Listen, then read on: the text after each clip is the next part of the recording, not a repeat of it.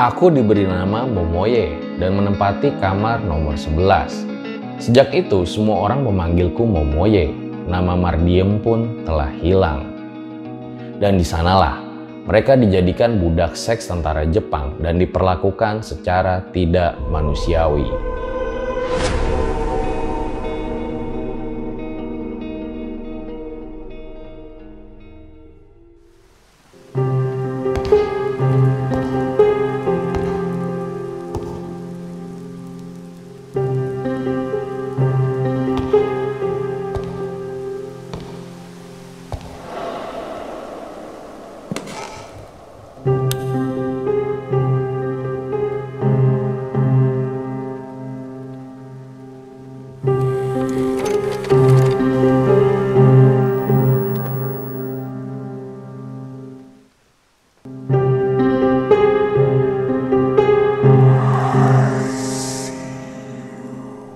Minggu misteri itu nggak selamanya bahas hal yang horor-horor. Kayak yang udah gue sering bilang dari awal episode. Kita bisa bahas juga mengenai tragedi, mengenai sejarah, misteri, bahkan film juga bisa. Nah sekarang gue bakal membahas sebuah tragedi yang berhubungan dengan seks yang dialami oleh perempuan-perempuan di Indonesia di masa penjajahan Jepang yang biasanya disebut dengan Yugun Ianfu. Ahli sejarah memperkirakan 200 ribu budak seks dipaksa masuk ke rumah pelacuran untuk melayani tentara Jepang sebelum dan sesudah Perang Dunia Kedua. Yugun Ianfu ini merupakan sebutan bagi perempuan penghibur untuk mendampingi tentara Jepang nih selama periode perang.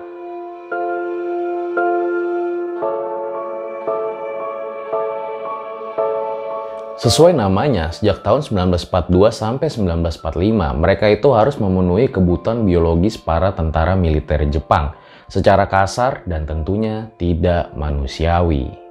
Memang, Perang Dunia itu banyak mengisahkan cerita-cerita kelam bagi mereka yang terjajah dan juga teraniaya. Jadi langsung saja kita masuk ke pembahasan Yugun Ianfu.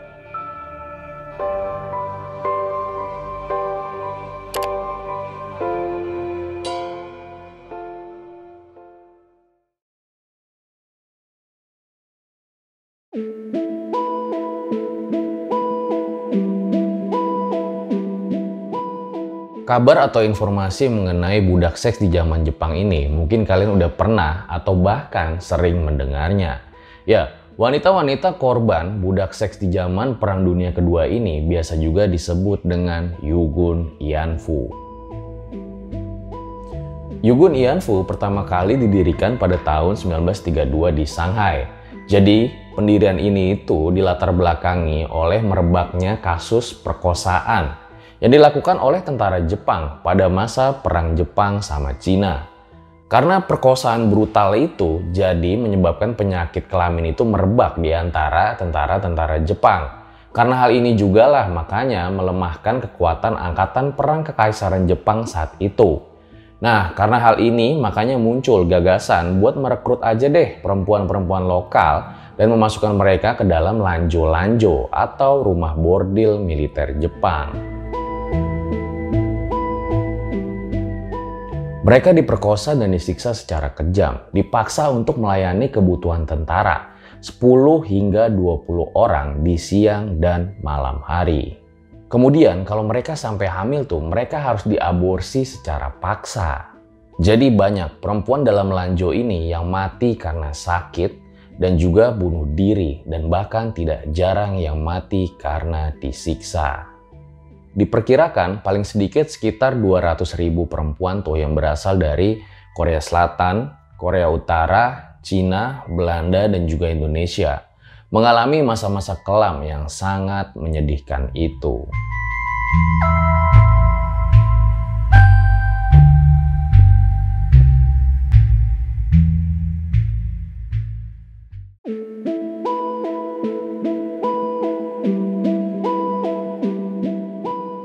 Di Indonesia sendiri, praktek Yugun Ianfu ini mulai berlangsung tuh sejak kedatangan tentara Jepang. Lanjo-lanjo atau rumah bordil didirikan di kota-kota penting di Jawa, kayak misalnya di Batavia, Bandung, Ambarawa, Muntilan, dan juga Semarang. Nah, rumah-rumah bordil atau lanjo-lanjo itulah tempat dilakukannya aksi bejat itu. Jadi perekrutannya itu tidak hanya perempuan-perempuan lokal aja, tapi juga mengikut sertakan perempuan Belanda. Nah, perempuan-perempuan yang gak mau melayani nafsu tentara-tentara itu diancam bakal disiksa dan keluarganya akan dibunuh. Gak jarang juga tuh mereka dipukul, ditendang, dan bahkan diperkosa di malam pertama. Beberapa dari wanita ini diperkosa oleh para pemimpin tentara dan juga beberapa diperkosa oleh manajer rumah bordil. Loh, rumah bordil ada manajernya? Kemudian salah satu petugas medis yang ikut memeriksa kesehatan para Yugun Ianfu nih ternyata malah memperkosa mereka juga. Disebutkan awalnya korban tertarik untuk ikut Yugun Ianfu ini karena adanya lowongan pekerjaan untuk perempuan. Lalu katanya perempuan tersebut bakal dipekerjakan sebagai perawat, terus juga buruh pabrik, bahkan sekolah ke luar negeri dan juga pemain sandiwara. Tapi kenyataan yang mereka terima justru sebaliknya. Rekrutmen para wanita yang akan dijadikan budak nafsu tentara Jepang itu diambil begitu saja atau dijemput paksa dan dinaikkan ke dalam truk. Dengan diiming-imingi gaji yang lumayan besar, maka para Yugun Ianfu ini menuruti semua peraturan yang diberi oleh para tentara Jepang tersebut. Namun kenyataannya, mereka malah dimasukkan ke bangunan besar seperti bekas rumah sakit atau barak yang sudah disulap menjadi rumah bordil. Dan di sanalah mereka dijadikan budak seks tentara Jepang dan diperlakukan secara tidak manusiawi. Nah, untuk mencegah adanya kasus kehamilan, biasanya perempuan-perempuan itu tuh dikasih kayak ramuan-ramuan dari tumbuhan untuk mencegah kehamilan. Dan apabila mereka itu sudah terlanjur hamil, jalan satu-satunya adalah aborsi dengan menggunakan pil dan juga cara lainnya. Sudah banyak cerita-cerita yang beredar mengenai korban Yugun Ianfu ini, seperti kisah berikut.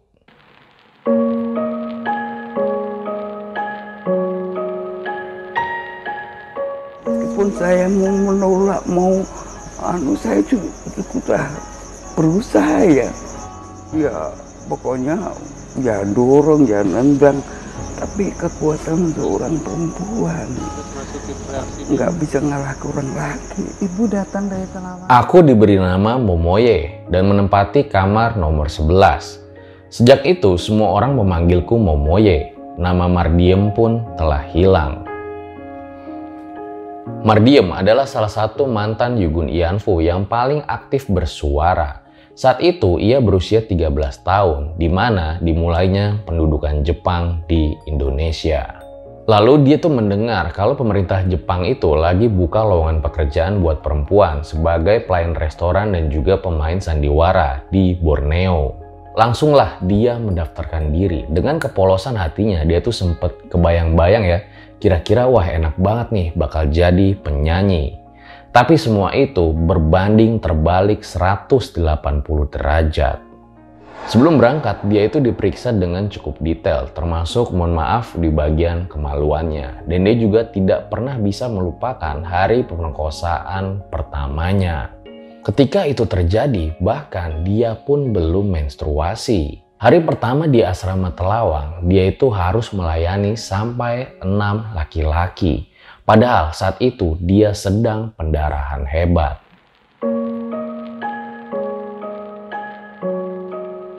Saya tidak tahu mengapa nasib menjadi seperti ini. Saat itu, saya mulai didatangi seorang lelaki Jepang berewokan yang belakangan diketahui sebagai pembantu dokter di klinik kesehatan.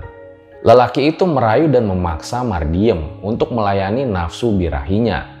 Mardiem telah berupaya untuk melepaskan diri, namun cengkraman tangan dari lelaki itu tentunya melebihi kekuatan dia sebagai perempuan.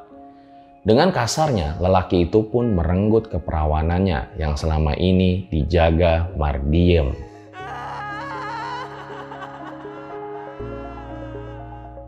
Tapi hari itu belum berakhir. Setelah kejadian itu, datanglah tuh lelaki kedua sampai ke enam di hari pertama. Setiap tentara yang datang kepadanya ternyata diwajibin tuh buat membeli karcis. Dan ada perbedaan harga juga nih di kalangan tentara serdadu sama perwira. Siang hari untuk pangkat perwira harus membayar sekitar 2,5 yen. Sementara untuk jam 5 sampai jam 12 malam itu tuh harus ngebayar sekitar 3,5 yen. Dan dari jam 12 malam sampai pagi untuk kalangan perwira harus membayar sebesar 12,5 yen. Namun ternyata walau ada tarif tiketnya, Mardim ini nggak pernah nerima pembayaran sama sekali. Semua itu ada pengelola rumah hiburannya. Jadi Mardim ini dijanjiin bakal dapat pendapatannya tuh setelah keluar dari rumah tersebut. Tapi ya itu cuma janji omong kosong belaka. Dari kejadian ini, Mardim itu pernah hamil karena emang semua tamu yang datang itu ada juga yang nggak pakai alat kontrasepsi. Dan saat itu ia terpaksa tuh buat gugurin kandungannya karena dipaksa oleh pemilik rumah bordil. Jadi sebenarnya dia tuh tahu siapa ayah dari anak yang ada di kandungannya tersebut dan katanya Ayahnya tersebut juga udah siap buat bertanggung jawab, tapi hal tersebut tidak terjadi karena nggak dibolehin tuh sama pemilik rumah bordilnya. Pemilik rumah bordil ini juga ngebawa Mardiem tuh ke dokter buat mengaborsi janinnya ini. Dan dia juga sering dikasih obat-obatan tradisional untuk menggugurkan kandungannya. Karena nggak berhasil-berhasil tuh buat digugurin, akhirnya dilakukanlah cara ini. Perutnya ditekan dan bayinya dikeluarkan secara paksa.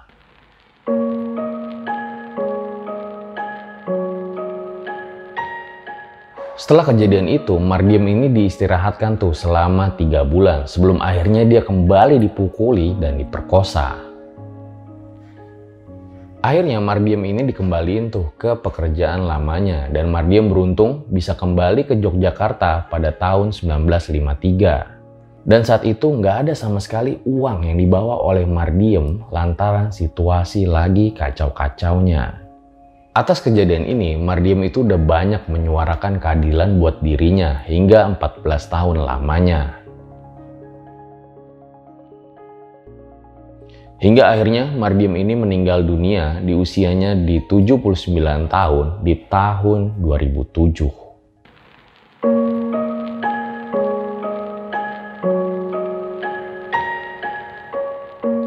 Kota Semarang ternyata punya sejarah kelam juga nih tentang Yugun Ianfu. Salah satunya adalah kisah Sumirah dari Salatiga. Sore itu, Sumirah yang baru berusia 14 tahun lagi menyusuri tuh jalan gendingan di Semarang dengan sepeda barunya. Tapi di situ dia sempat terdiam tuh karena dia melihat ada beberapa tentara Jepang tuh yang lagi maksa perempuan-perempuan muda buat naik ke truk tentaranya. Melihat kejadian itu, Sumirah bukannya kabur, tapi dia malah diem doang. Mungkin saat itu karena dia kaget dan juga takut banget. Dan ternyata ada seorang tentara Jepang tuh yang ngeliat keberadaan dari Sumirah ini. Dia pun nyamperin Sumirah dan memaksanya ikut naik ke truk. Dan di situlah Sumirah pun terpaksa mengikuti kemauan tentara tersebut dan meninggalkan sepeda barunya yang jatuh di tanah.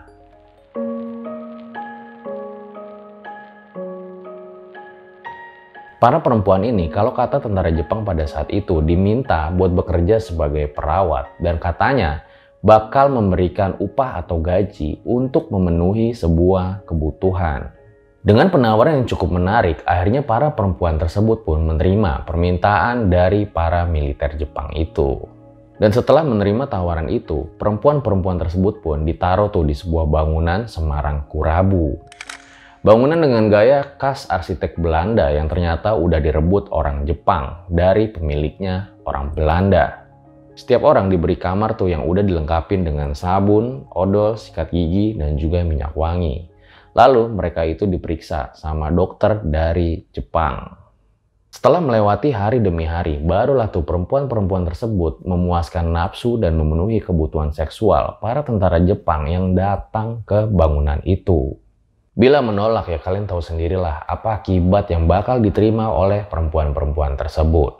Selain melayani di bangunan Semarang Kurabu ini, Sumirah juga harus melayani para perwira di Hotel Du Pavilion dan juga Ua Asia yang lokasinya ini memang nggak terlalu jauh tuh dari Semarang Kurabu.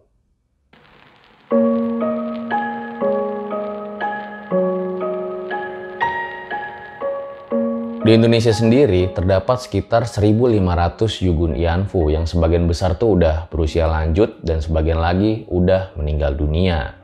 Perjuangan mereka untuk menuntut keadilan serta pengakuan tentu aja melelahkan dan cukup lama bagi sebuah keadilan. Meski perang itu udah lama selesai, tapi perasaan malu dan dikucilkan itu harus dialami oleh perempuan-perempuan tersebut seumur hidupnya. Saat ini Yugun Ianfu juga masih tersebar tuh di berbagai daerah Indonesia yang masih hidup. Mereka menghadapi berbagai persoalan seperti kesehatan yang buruk akibat kekerasan fisik, psikologis, dan kekerasan seksual selama berada di tempat pemerkosaan militer Jepang. Selain itu, mereka juga mengalami tekanan sosial karena sebagian masyarakat itu masih menganggap mereka sebagai pelayan nafsu dari tentara militer Jepang.